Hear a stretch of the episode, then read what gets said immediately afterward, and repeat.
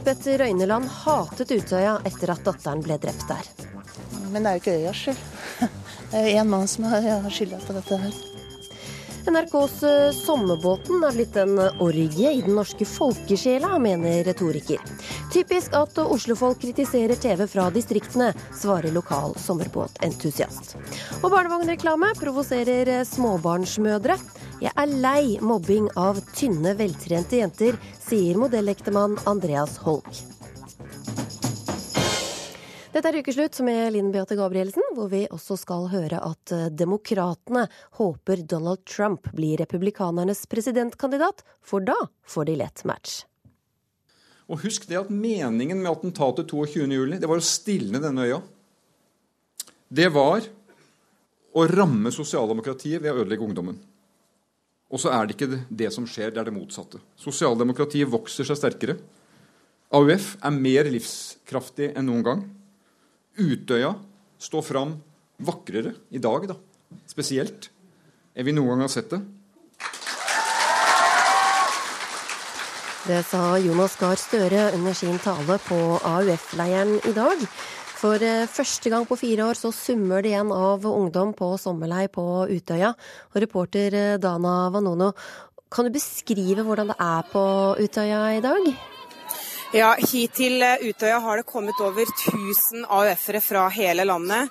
Og eh, Det er først og fremst typiske scener fra en sommerleir som eh, møter deg når du går i land her på øya. Sola skinner. Bak meg har de satt i gang med en volleyballturnering. Her er det ungdommer iført slitte fotballsko og AF-T-skjorter som trikser på fotballbanen. Og noen som forsøker å få styr på litt medtatte telt. Spiser vafler eller sitter i grupper og skravler og ler. Men eh, det er jo ingen helt vanlig sommerleir. Det er den første leiren som eh, AUF arrangerer på Utøya etter terrorangrepene her for eh, fire år siden. Det er politioppbud her, med vakthold både på fastlandet og på øya. Alle som skal over hit, får sjekket vesker, må identifisere seg. Ehm, og det har vært presse her fra hele verden. Og så har selvfølgelig veteranene i Arbeiderpartiet kommet hit for å støtte ungdommene. Jonas Gahr Støre holdt nettopp tale. Gro Harlem Brundtland har vært her. Jens Stoltenberg har vært her, for å nevne noen. Og eh, nestleder i AUF, Emilie Bersås. I AUF så har dere sagt at dere skal ta Utøya tilbake. Nå har dere vært der i over to dager allerede. Føler du at dere har fått det til? Vi har alltid vært på Utøya. Utøya har eh, alltid vært vår, også de siste fire årene. Men nå har vi endelig en sommerleir her igjen. Eh, og det er som du òg sa innledningsvis, det er en sommerleir som er her i gang. Det er volleyballkamp. Eh, folk har begynt å slåss litt om hvem som skal vinne fotballturneringen. Det er politiske diskusjoner rundt leirbollet. Jonas har tala i bakken. Det har Mani. AUF-er har stilt Jonas til veggs på, på, viktige politiske saker som vi i AUF er opptatt av. Sommerleiren er i full gang, eh, og vi AUF-ere koser oss med å være eh, her ute, og endelig her som vi er hjemme. Eh, var det riktig tidspunkt nå fire år senere å komme tilbake til Utøya? Fire år er en ganske lang tid når man er ungdom, men det kan være en veldig kort tid når noe vondt har skjedd. Eh, og Derfor har vi de siste fire årene hatt en prosess med å gjenreise Utøya. Og Det har vi gjort eh, i vår organisasjon i alle ledd, men vi har gjort det i samråd med støttegrupper etter hendelsene, NKVTS eh, og flere andre. Vi har justert kursen et par ganger. Venta litt, eh, fått gode råd. Men nå eh, var det klart for oss. Eh, nå kjente vi på at nå trenger AUF å være der som vi hører hjemme igjen. Nå trenger vi å være på Utøya. Stig Harlem Harris, du var her på Utøya 22.07.2011. Hvordan er det å være tilbake på eh, et sted hvor det er så mange vonde minner? Altså Det å være tilbake på sommerleir eh, er en veldig god følelse. For jeg var jo også før 2011 og husker alle disse fine sommerleirene jeg var på. Og det er jo det jeg husker når jeg egentlig er tilbake nå. Eh, men selvfølgelig er det, noe, det er jo noe rart med Utøya eh, etter det som skjedde. Og jeg har jo tatt meg selv i å gå på minnesmerket, være der, tenke litt over eh, ting som har skjedd og ting jeg husker. Eh, men det er veldig, generelt veldig fint å være tilbake. Var det en selvfølge, selvfølge for deg å komme tilbake? Altså, jeg var en av de som egentlig ville tilbake bare året etter. Eh, men jeg tror det er veldig lurt å vente. Eh, og jeg har jo selvfølgelig alltid vært i tvil i form av at hva jeg selv ønsker, men jeg har aldri vært i tvil om om man skulle ta, ta tilbake øya. Men jeg har funnet ut etter, etter en stund at jeg ville tilbake. Eh, de ville begge tilbake, Emilie og eh, Stig. Og det er helt tydelig at det er eh, samhold som er stikkordet her på Utøya. Og ungdommene er rause med klemmer og smil og latter. Tusen takk, reporter Dana Vanono på Utøya. Men det er ikke alle etterlatte som har ønsket at Utøya skulle tas i bruk igjen. En av dem er Lisbeth Røyneland, lederen for den nasjonale støttegruppa etter 22.07. Men noe fikk henne til å endre mening. Det tok et par år. Det gjorde det, ja. En kald, våt junidag. Lisbeth Røyneland er på ferga på vei over Tyrifjorden. Om bord er et tjuetalls AUF-veteraner og etterlatte som mistet barna sine på Utøya. Nå er de på vei tilbake for å sette i stand et minnested over dem som brutalt ble henrettet her av en høyreekstrem terrorist 22.07. for fire år siden. Utøya har begynt å bety veldig mye for meg. Jeg har jo vært der hver 22. juli, jeg har vært der på åpne dager. Jeg har blitt kjent med veldig mange av de unge AUF-erne som er glad i den øya.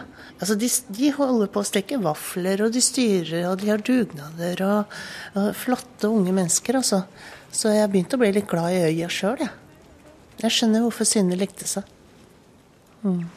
Lederen for den nasjonale støttegruppen etter 22.07, Lisbeth Røyneland, mistet datteren Synne i massakren. Jeg tenkte masse på det før jeg landet på at jeg, jeg, jeg, tror at det beste hadde vært at øya lever videre. Men jeg har jo hatt mine tanker og kvaler om det også. Det tror jeg er ganske naturlig, altså. Jeg, tror den er for langt framme. Ja, den er for langt ja. Så trekker den tilbake. På toppen av Utøya er det en liten lysning i skogen. Et fredfylt sted der ingen ble drept. Sånn. Sånn, ja. Og så hever den litt. Her jobber nå dugnadsgjengen med et minnested der berørte kan komme og bare være for seg selv. For Lisbeth Røyneland er Utøya blitt et viktig sted, selv om det først bare var et grusomt åsted. Ja, Første gangen var jo, var jo da vi skulle få vist hvor Synne ble drept. Da. For det var herska litt tvil om hva som egentlig hadde skjedd med Synne. For hun hadde så store skader i lungene, så de trodde hun hadde drukna. Men så, i tillegg så hadde hun jo tre skudd i hodet. Så, mm, men, men, det viste seg at hun hadde hyperventilert. Hun hadde vært så redd at lungene ble skada. Og at hun ble funnet på land. Hun hadde gjemte seg sammen med to, to gutter bak en stein. Da han kom, da. Og det er grusomt å tenke på. Til tross for ugjerningene. I dag ønsker Lisbeth Røyneland at Utøya blir et sted der ungdom møtes og får lære om hva ekstremisme og radikalisering kan føre til. For henne kom vendepunktet da hun skjønte hva det ville innebære om øya ikke lenger skulle være i bruk. Jeg snakket med noen veteraner annet, som sa at øya hadde stått helt i ro i noen år på 90-tallet, hvor AUF hadde dårlig råd. Hadde ikke, arrangerte ikke disse leirene. Og da hadde de brukt en hel sommer bare på å rydde ved tomflasker og engangsgriller og kutte ned vegetasjon. Og, og, så hørte jeg også at det hadde vært noen høyreekstreme her ute for å se på stedet. Da begynte jeg å tenke at dette må, kan vi ikke ha. Nei, det, det, for meg ble det helt feil. Det hadde jeg ikke orka å se på. På den ene siden så hater du hatet øya til å begynne med. Men det er jo ikke øyas skyld. Det er én mann som har skylda på dette her. Og Synne var jo absolutt ikke på feil, feil, sted til feil tid. Det var det jo han som var. Så det er veldig viktig for meg at ungdommen får, får lov til å komme tilbake til øya, og, og at de også lærer hva radikalisering kan føre til i verste fall. da. Men kanskje det kan virke preventivt på lang sikt, da. Mm. Reporter var Janne Kjellberg. Nå skal vi lytte til Postgirobygget.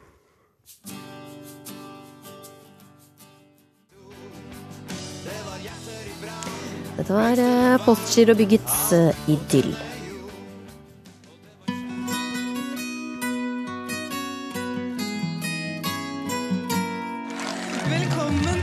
Til fra sørlandsbyen på Vestlandet, Åkkaby Egersund. Ja, men det er jo en vidunderlig by. Ja, vi er jo så heldige her i den byen. Vi kan ha alle fire årstidene på én dag.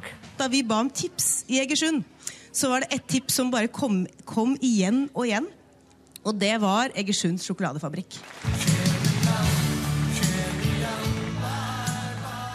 NRKs eh, Sommerbåten har snart seilt langs eh, hele Norges kyst med en eh, hale av småbåter etter seg og begeistret vinkende lokalbefolkning. Men det er blitt en folkesjelsorgie, skrev du Kjell Terje Ringdal i en kronikk i Dagens Næringsliv. Du er førstelektor på Markedshøgskolen. På hvilken måte er det blitt det? Det som er interessant med, med, denne turen, er jo at det er 41 dager eh, hvor eh, NRK TV viser fram Norge og kysten og fjelltopper og blå sjøer og innsjøer og bunader og torsk og jeg vet ikke hva av natur. Og jeg er jo en av de som virkelig jeg småsnufser på 17. mai og syns at det er så stas med norske flagg og når Norge vinner i fotball osv. Så videre, sånn at uh, dette er da ikke et angrep på nasjonen Norge, for det skal man i hvert fall ikke gjøre. Men det er en slags observasjon av at Norge vender seg innover. Vi blir mer og mer, ser det ut til, opptatt av nasjonen og naturen. Og det jeg da spør om, er om det at vi dyrker oss selv på den måten, hindrer oss i nytenkning, hindrer oss i innovasjon, og gjør at denne innovervendte selvdyrkingen gjør at vi ikke innoverer, eller bruker denne fantastiske naturen til å tjene penger, til å produsere møbler, til å tenke design, til å skape, til å også gjøre en vri eh, på det innovervendte, til å bli mer utovervendt og til å koble seg på verden. Arnt Olav Klippenberg, du er journalist i Stavanger Aftenblad og var med i samme båten da den besøkte din eh, hjemby Egersund. Eh, hvordan tolker du denne kritikken her? ja, altså Jeg syns det han sier høres veldig interessant ut, men jeg forstår ikke hva det har med sommerbåten å gjøre. Jeg syns Sommerbåten er et fantastisk konsept. Faktisk noe av det mest vellykka NRK har gjort på år og dag. Eh, så, så jeg, jeg, forstår ikke helt den koblingen. Altså Det å fylle en båt med alt NRK er best i verden, det er jo et fantastisk konsept. Så jeg storkoser meg. Og det er der vi skal finne det krysningspunktet mellom deg, Klippenberg, og, og, det jeg tror jeg har rett i, nemlig hvor mye krefter skal vi bruke på å fortelle oss dag etter dag eh, at eh, Norge er vakkert og naturen er skjønn. Og når du spør om hva har det med sommerbåten å gjøre, så tenker jeg at eh, nettopp fordi vi har kanskje en av verdens beste public service TV-kanaler, som også er i stand til å lage fantastiske programmer, og da tenker jeg, hvorfor ikke gjøre en liten vri, en liten endring, i en liten endring i perspektivet, altså som den nye regjeringen snakker om. Det grønne skiftet. Hvorfor ikke bruke denne helt utrolige muligheten? 700 000 seere, 40 dager med eh, TV-sendinger i beste sendetid. Hvorfor ikke bruke den til å gjøre dette lille skiftet, slik at vi altså kan bruke de kreftene og, den, eh, og, de ressursene til å sette fokus på miljøvern, utvikling av ny teknologi, til å tenke fremmede som ressurs osv. osv. Og, og det er jo nettopp fordi det er denne kraften i NRK som gjør at det ville vært en mulighet til å få til noe helt nytt. Du går jo mye lenger enn som så. Du foreslår jo at sommerbåten skal reise til utlandet til neste år og, og gjøre det samme nedover i Europa. og eh, Blant annet vise innovasjon og demokrati, sier du. Jeg syns det høres ut som et mareritt med masse selvgode nordmenn om bord i en båt som skal reise til utlandet og fortelle om demokrati. Så, så, så jeg, jeg syns ikke det er noen god idé. Og det er klart, det å reise langs Norges kyst som, som, båten gjør her, det, det, er jo, det, er jo, bare en styrke. Det viser jo bare Norge på sitt beste. Det er jo ingenting vondt i det. Altså, det er jo bare underholdning. Men det kan jo bli litt mye da, med 40 dager med vinking og skryting av eget land? jo, jo, men, men det, er et annet problem. Men, men jeg syns NRK treffer noe her. Og NRK gjør jo allerede det som Ringdal etterlyser. Altså, eh, Nils og Ronny, når Walkabout, eh, Bakke og Gokstad, når de reiser utrangerte biler til Mongolia, underholdningsprogram i beste sendetid der de gjør akkurat det som Ringdal etterlyser. Så jeg syns NRK gjør sin oppgave der òg, jeg. Tenk om vi bare kunne gjort den lille vrien. Tenk så gøy det hadde blitt om vi da fikk til denne lille innover opptattheten til også å ville noe mer og til å skape noe nytt. Men, men, men den vrien er der jo allerede. Altså, jeg, jeg tok før meg tre av de programmene som jeg kjenner fra Rogaland. Når båten kom til Finnøy, så kapra Finnøybuene eh, hele programmet og samla inn 450 000 på den lille øya til Nepal. Da båten kom til Egersund, nei, til Sandnes, så var hovedinnslaget for Sandnes noen herlige damer fra Nigeria som, som, som, bor i Sandnes. Og da båten var i Egersund, så var hovedinnslaget om Redningsselskapet, den lokale redningsskøyta som er i Middelhavet og tar opp flyktninger. Så sommerbåten gjør allerede de her tingene. Ja. Spørsmålet vi må stille oss er altså om dette kan være et tegn, om denne begeistringen for oss selv, denne lysten til å gå i 17. mai-tog i 40 dager, og kanskje 365 dager, om det er et tegn på at vi vil mindre og mindre med de andre, mer og mer med oss selv. Og hvis det er premisset, for det kan godt være at du har helt rett i at sommerbåten er et helt fantastisk konsept som sådan, men sommerbåten er nok et tegn på denne lysten til å heise flagget og til å rusle rolig rundt med fargelagte rullatorer. Og feire og hylle oss selv. Og hvis vi da kan si at eh, dette tegnet er at vi nå glemmer de andre, vi glemmer innovasjon og vi glemmer de fremmede, vi glemmer de andre landene, så kan vi si hvorfor ikke bruke sommerbåten som en start på det å få til dette grønne skiftet, og til det å bruke naturen til noe som kan være lønnsomt, og som kan gjøre at vi får til ny, eh, nytt mm. næringsliv og ny tenkning. Men Du snakker tenkning. også om at, eh, at sommerbåten skaper en eksotisering av de små stedene og folkene der. Hva mener du med det? Jo, jeg mener med det. Ehm, eh, det er ikke hovedpoenget. Men det er nesten så jeg syns synd på alle de som da nærmest føler seg tvunget til å klatre opp og ned, ta med seg flaggene sine og stå og hylle eh, båten som kommer fra selveste Oslo. Det er en sånn, er en sånn merkelig følelse av at man bruker eh, innbyggerne i hele landets kommuner som en kulisse som skal stå og smile i bakgrunnen, og som skal hylle denne ideen om at Norge er vakkert, og spesielt er vår egen by veldig vakker. Jo, for meg så blir det ja, men, du, du, ja, men han tar helt feil. altså. Det er jo ikke sommerbåten folk står og vinker til. Det er ikke sommerbåten som kommer til en plass.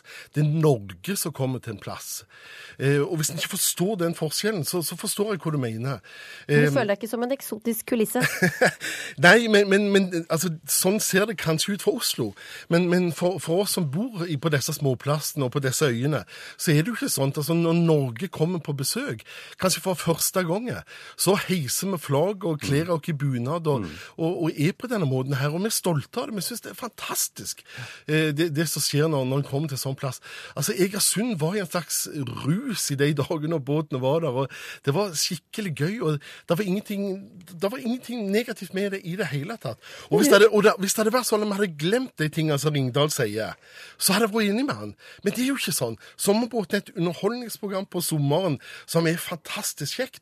Og så gjør vi alle de andre tingene i tillegg. Men du, da er ukeslutt nødt til å seile videre i dagens program. Takk Arnt Olav Klippenberg og Kjell Terje Ringdal.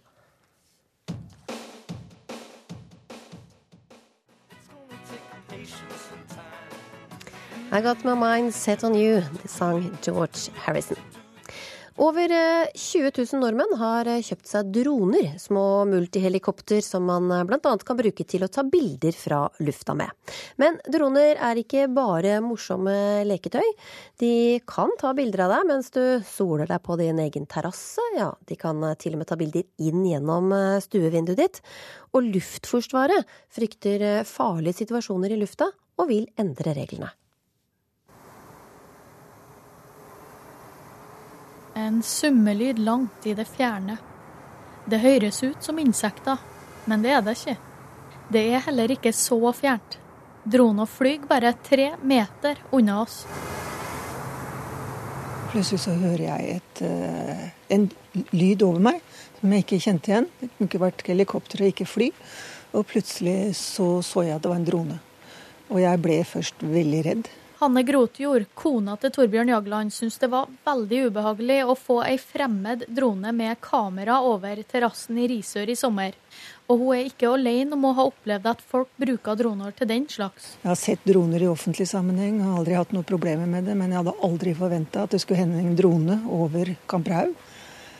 Og så ble jeg sint. For jeg tenkte enten så er det noe i den drona som vil meg vondt, eller så er det noen som tar bilder. Så etter hvert så skjønte jeg at uh, var folk som var opptatt av hva som skjedde oppe hos oss.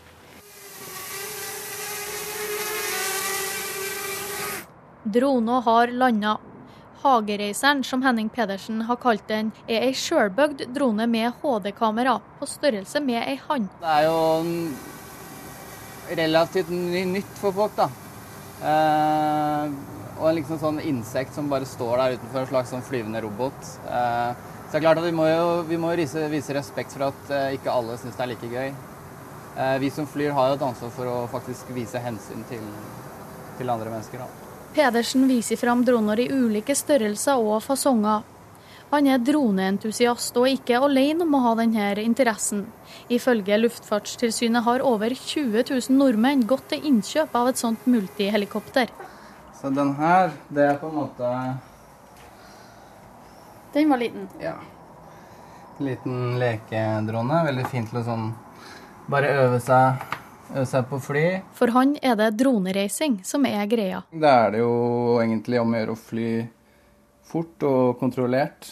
Og gjerne passere noen hindre og gjennom noen skogholt og liksom gjennom noen trange passasjer og sånn. Da er det om å gjøre å på en måte kunne fly best og ha best kontroll. Da var den på. Men droner kan også brukes til mange andre samfunnsnyttige ting, som f.eks. til å ta bilder av bygninger og eiendommer, få oversikt over rasområder eller til å sjekke kraftlinjer.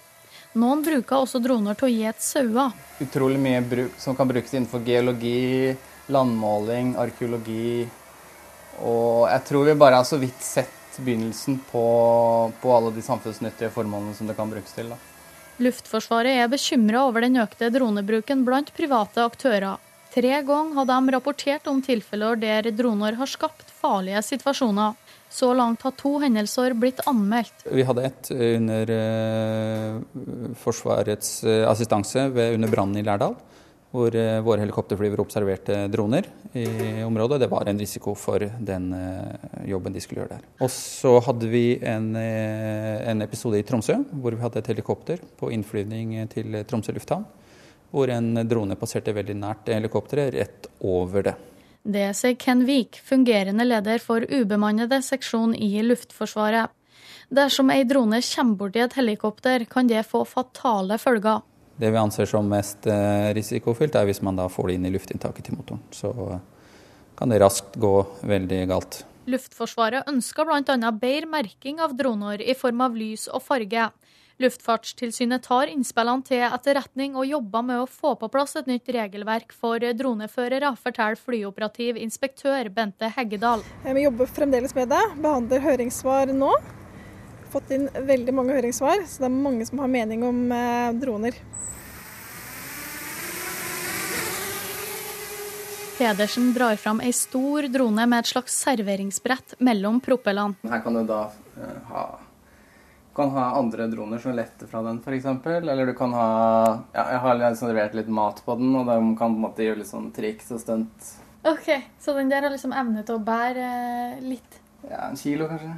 Kriminalomsorgen er redd droner skal bli brukt til å frakte narkotika, våpen eller til og med bomber over fengselsmurene. Vekt er vekt, da. Så det er jo selvfølgelig ikke mulig at man kunne båret det heller. Det er jo ikke noe som forhindrer meg å bære det hva som helst, så lenge det er innenfor vekta, liksom. Men Pedersen tror smugling over grensene kan bli et større problem.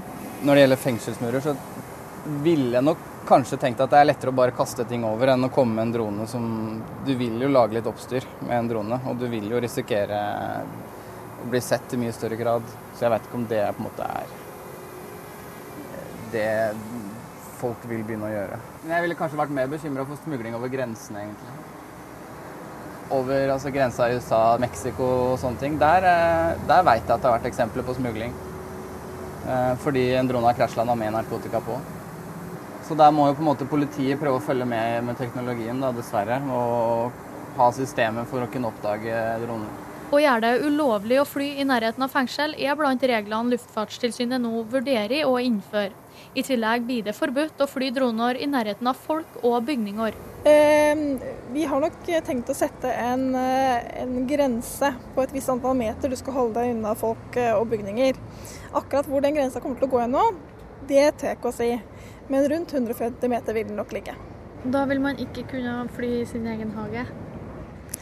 fly i sin egen hage vil du nok fremdeles kunne. Um, nå er det jo klart at Hvis din egen hage er midt i et bysentrum, en bykjerne, så er det ikke sikkert at uh, det alltid er så gunstig. Men uh, vi vil nok ikke regulere bort det at du kan uh, kose deg i hagen din med leketøyet ditt. De nye reglene vil trolig tre i kraft i løpet av starten av 2016. Hvis du har forholdt deg til sunn fornuft og du har tatt noen forhåndsregler, så er du alt innenfor det kravet vi kommer til å sette i meter. Så det er nok bare en teoretisering av det de mest fornuftige flygerne allerede gjør. Nei, altså Jeg tenker jo at det først og fremst er bra. Uh, at det blir en tydelighet, og at det blir uh, klarhet rundt det. For nå er det veldig mye forvirring. Det er, ja, det er veldig mye synsing. Folk vet ikke helt hvordan de skal uh, forholde seg til droner, egentlig. Så det vil jo bli, måte, vil jo bli et klart og fint regelverk. Sjøl også er bekymra på vegne av, uh, av, dronebransjen. Når folk gjør ting, de flyr over folkemengder f.eks. Det er jo per i dag også ulovlig, da. For ei drone kan lett dette ned, og man kan få alvorlige kuttskader av propellene, noe artisten Enrique Iglesias fikk erfare under en konsert nylig. Mens han sto på scenen, prøvde han å ta imot en drone, og skar seg til blods i fingrene. Skal vi se, skal jeg snu den, da, så kan du Skal vi se. Vi prøver å få drona til å se inn gjennom et vindu. Det er vanskelig, for dagslyset lager gjenskinn i ruta. Men hvis det er mørkt ute, så er det fullt mulig å se inn. Grotjord mener det er på tide med en debatt rundt utfordringene den nye teknologien bringer med seg. Eh, for det første så syns jeg at det hadde vært greit å ha en offentlig debatt om bruken av dronene. Eh, jeg har all mulig forståelse for at de kan være nyttig, både i forhold til sivile og militære forhold. Eh, men poenget er at det må være kontroll på bruken av bildene, og det er det som er mitt poeng. Reporter var Tanita Vassås Kveinå. Og ukeslutt fortsetter med dette. Syltynn modell som jogger i bikini i barnevognreklame har hisset opp mange. De er bare misunnelige, sier modellektemann Andreas Holk. Nakenpolitikeren angrer ikke på at han stilte i nettoen i avisa i valgkampen, men ikke gå med på alt journalistene foreslår, råder tidligere diplomat. Hun er tynn, trent og jogger med barnevogna i en liten bikini. En barnevognprodusent la ut bilde av supermodellen Ymre Stikema, og skrøt av hvor trent og sunn hun holdt seg når hun løp med barnet sitt i deres vogn. Selv om hun er opptatt som supermodell, finner hun tid i sin travle hverdag til å trene, skrev de, og fikk så hatten passa fra mødre verden over. Og da fikk du nok eiendomsmegler og modellektemann Andreas Holk, hvorfor det? Jeg syns det har blitt eh, hva skal jeg si, nærmest litt sånn mobbing av uh, tynne, slanke, spreke, spesielt kanskje jenter. Fra ikke like eh, tynne, spreke jenter som åpenbart syns det er ikke på sin plass at disse får lov til å vise seg frem. Ja, Hvorfor tror du de reagerer? Jeg vet faktisk ikke. Jeg, jeg, jeg lurer litt. Det kan kanskje minne litt om misunnelse noen ganger. For er, jeg føler at det er Det går nesten bare den veien. Det er veldig sjelden at det går andre veien. Jeg har aldri hørt Eh, kvinner i kall det den normal BMI-gruppen som det veldig ofte henvises til, da, eh, mellom 19 og 25, som, som eh, roper ut når det er mer fyldige pluss-size-modeller som eh, er ute. Eh, da får det liksom forbigå i eh, stillhet. Mens, hvis, hvis modellen hadde vært pluss size i bikini, så hadde det gått greit? Da tror jeg ikke noen hadde sagt noen verdens ting, annet enn yeah, go girl. men, eh, men, eh, mener du at de som kritiserer denne supermodellen, det, de vil egentlig se sånn ut sjøl? Er det det der det ligger? Nei, om de ikke vil det selv. Eh, men de er veldig sånn på å påpeke at dette er veldig lite sunne idealer for spesielt yngre, yngre jenter og sånn. At dette er ikke sånn man bør se ut. Og begrepet mammakropp dukker opp ganske ofte.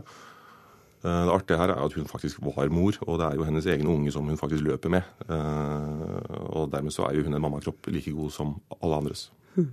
Veronica Fjell, du er journalist i TV Vest og står bak eh, bloggen Yummy Mummy. Og du var en av de som reagerte, men på en litt mer humoristisk måte. Fortell hva du gjorde. Ja, altså Poenget med eh, dette bildet er jo at det er et så absurd bilde. For eh, det er en reklamekampanje for en vogn eh, som i mine øyne da slår helt feil. Eh, hvem er det i dette fotoet som får oppmerksomhet? Det er jo denne mammaen i bikini. Og eh, jeg er jo uenig med Andreas her, for jeg tenker at hvis en eh, såkalt plus size-modell hadde jogga på samme måte iført den samme bikinien, så hadde det òg vært absurd. Jeg la ut et bilde i ren parodisk eh, ånd eh, for å spille på humoren jeg ser i dette bildet. Eh, ikke for oss å gjøre dette som et angrep på modellen, men som et motsvar til en bransje som jeg mener fokuserer altfor mye på utseendet, og da spesielt hos mor, som er i en utrolig sårbar situasjon etter fødsel. Ja, Andreas, sårbare mødre. Det tror jeg er veldig individuelt. Jeg har selv en eh, kone som har vært mor. Dermed er jeg selvfølgelig også selv far. Eh, hun var sårbar selvfølgelig etter å ha blitt mor, eh, men ikke på denne måten her.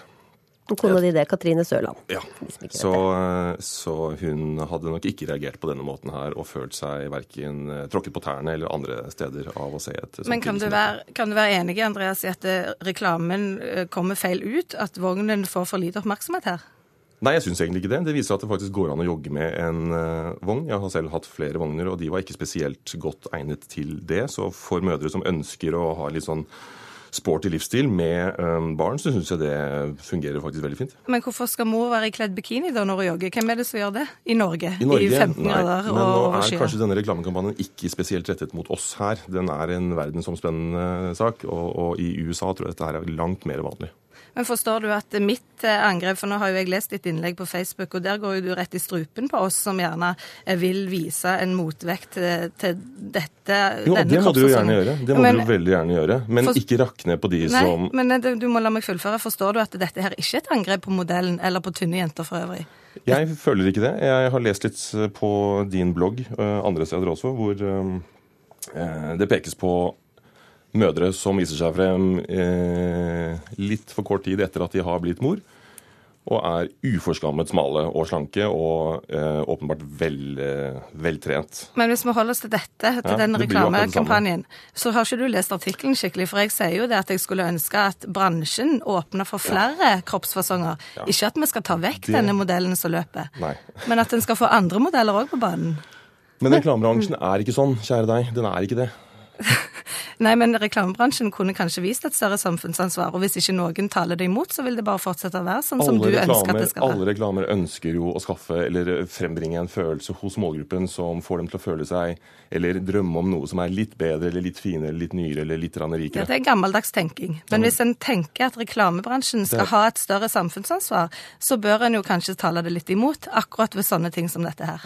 Men, men, eh, Men- men Veronica, den... tror du at eh, barnevognprodusenten hadde solgt noe særlig barnevogn hvis det var en helt vanlig dame der, da? Du vet at småbarnsmødre er ufattelig interessert i vogner. Jeg har venninner jeg som har 15 stående i garasjen, og de eh, kunne gitt en lang eh, F i hvem det var som trilla den, hvis vogna bare så fin ut. Det som mitt poeng her er at jeg syns det er urovekkende at dette kroppshysteriet som vi ser regjere i media og reklamebransjen for øvrig, nå har på en måte nådd den siste skanse, som er den nybakte mamma. Hvis du gjør et enkelt søk på emneknaggen 'fitmom' på Instagram f.eks., så får du nesten 4,5 millioner treff. Det er et enormt utseendefokus på ei mor som nettopp har født et barn. Og mitt mantra her er at en skal heller fokusere på det nye livet, den nye situasjonen, og så etter hvert selvfølgelig ha en aktiv livsstil. Jeg er ikke imot det.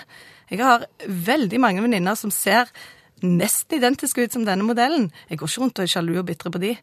Jeg trives i mitt eget Men skinn. hvorfor syns du at denne moren her er en, et dårlig forbilde? Eller hvor, hvor, altså, hvordan syns du hun er en dårlig representant for mødre. Jeg syns at hun er et dårlig forbilde eller en dårlig representant fordi hun jogger i bikini. Hadde hun vært kledd eh, sportsklær, så hadde ikke jeg reagert på samme måte. Det er bikinien altså som er greia. Ja, det har det vært hele veien. Og det er jo det som, når du ser disse to sette opp mot hverandre, altså mitt bilde og hennes, så ser du jo hvor absurd det ser ut. Andreas Holk, du er jo selv gift med en modell, Katrine Sørland. Hva opplever dere når hun har hatt uh, oppdrag? Mm, ganske mye av det samme som det jeg kommenterer nå, faktisk. Hun er ganske aktiv i sosiale medier, og um, veldig ofte hvor hun legger ut bilder av seg selv, eller har vært med på noen tidligere reklamekampanjer, så er det alltid noen som skal påpeke hvor tynn og skranglete og lite sunt forbilde hun er. Og det syns jeg er ganske frekt å si, faktisk. Nå fikk det bli, bli siste ord i denne omgang. Tusen takk skal dere ha, Andreas Holk og Veronica Fjell.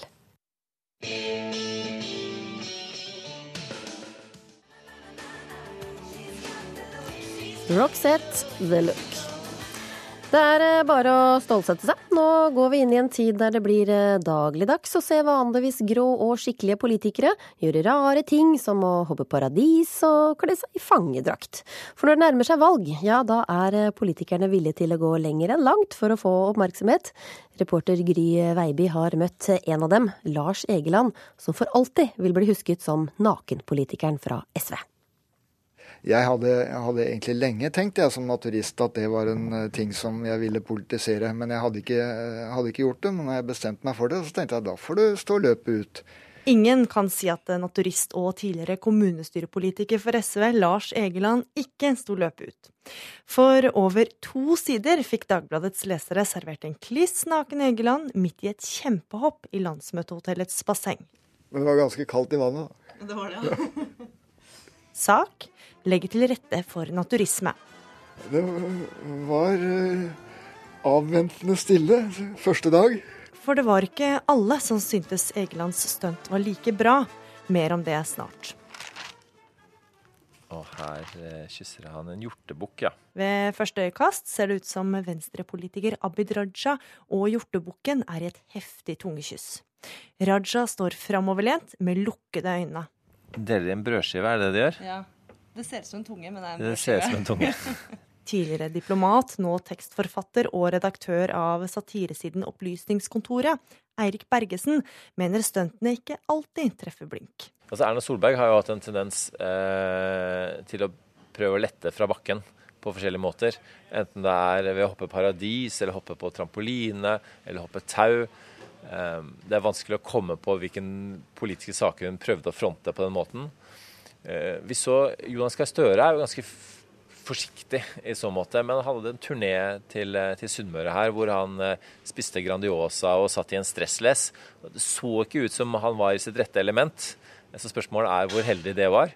Et råd til politikere er å ikke være med på alt som journalister da prøver å lokke de ut på. F.eks. videoen av Valgjerd Svartstad Haugland som svinger seg, har fulgt KrF-politikeren i snart 15 år. Men det er ikke alltid journalister eller rådgiveres feil. Noen ganger klarer politikerne det helt selv. Jan Bøhler kombinerte svulmende overarmer og gitar i en video som fikk mange til å trekke på smilebåndet. hun kommer ut Når høyrevinden blåser over landet. Mens tidligere ordfører i Tromsø, Jens Johan Hjort, fikk selveste Halvdan Sivertsen etter seg da han lagde sin versjon av kjærlighetsvisa. Bodø sig forbi oss, hva du tru. Og så er det stuntene som ikke er like planlagt.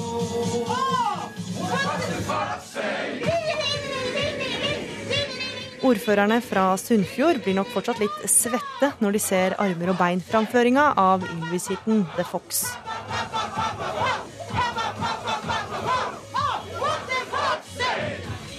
Som for øvrig alltid vil ligge på YouTube.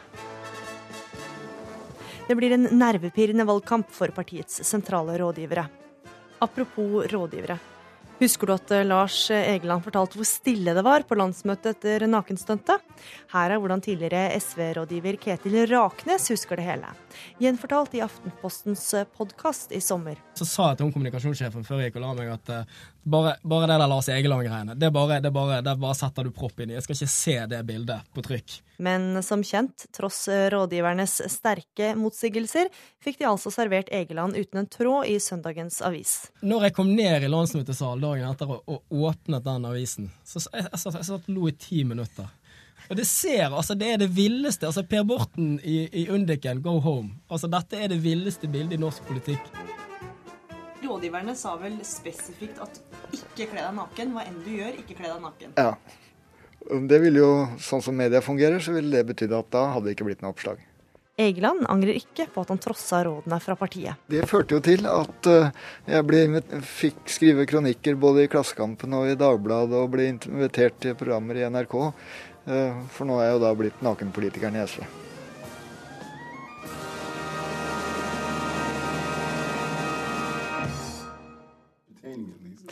Så skal vi til den eh, amerikanske valgkampen, som er minst like fargerik.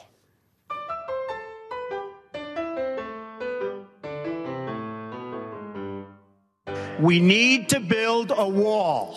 We need to keep illegals out. You've called women you don't like fat pigs, dogs, slobs, and disgusting animals.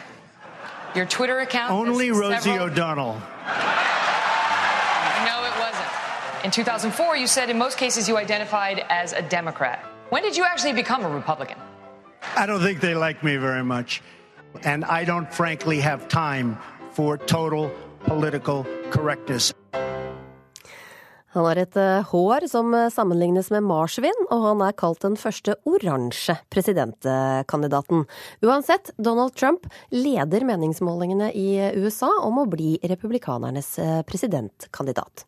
Og i kjent stil, som vi hørte her, avfyrte han populistiske salver under torsdagens debatt mellom kandidatene. Og hvordan syns du det gikk for Trump, Vincent Baugh fra Republicans Abroad? Ja, det gikk bra. Jeg hadde ikke noe problem. Det gikk akkurat som ventet. Ingenting spesielt med det. Ross Perot gjør akkurat det samme, så han gikk det bra for en stund. Til det var alvor og mye, mye på spill. Så nå er det OK, greit nok. Han leverer det han skal. Ja. ja.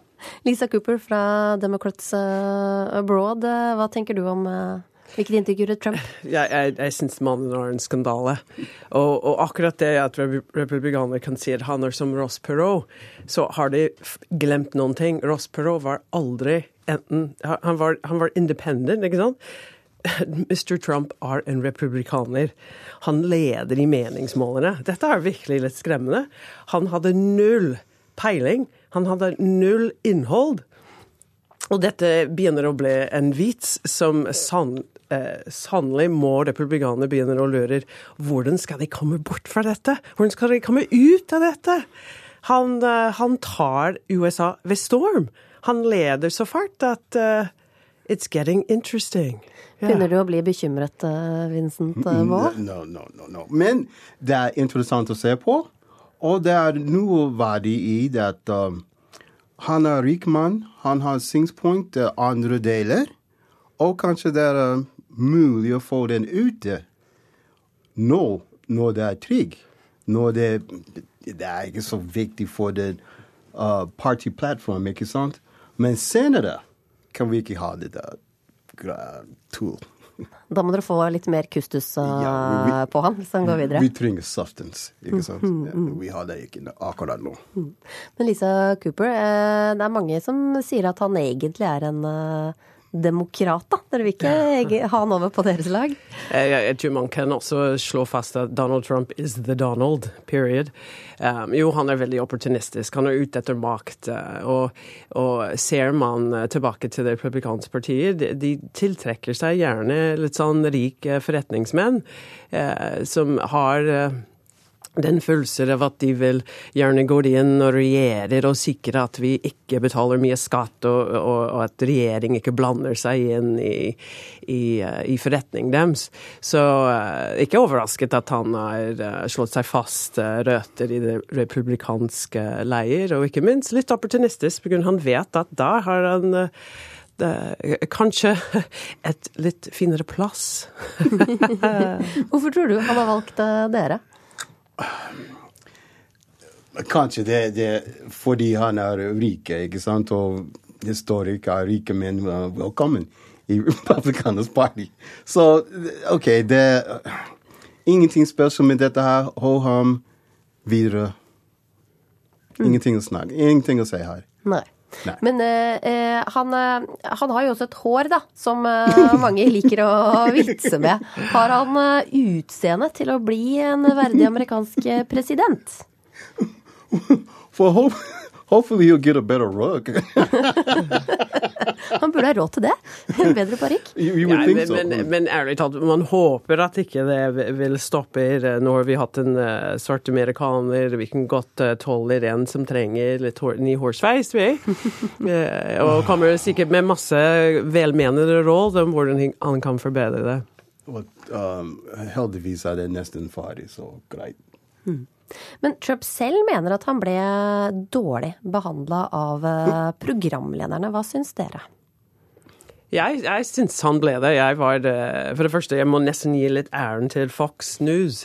På grunn av jeg hadde overhodet ikke trodd at de skulle være så litt sånn eh, bipartisan, på en måte. De stilte ganske mange tøffe spørsmål som jeg trodde de ville unngå for å sikre at ikke de så dårlig ut, eller ikke republikanere eh, blir sett i dårlig lys.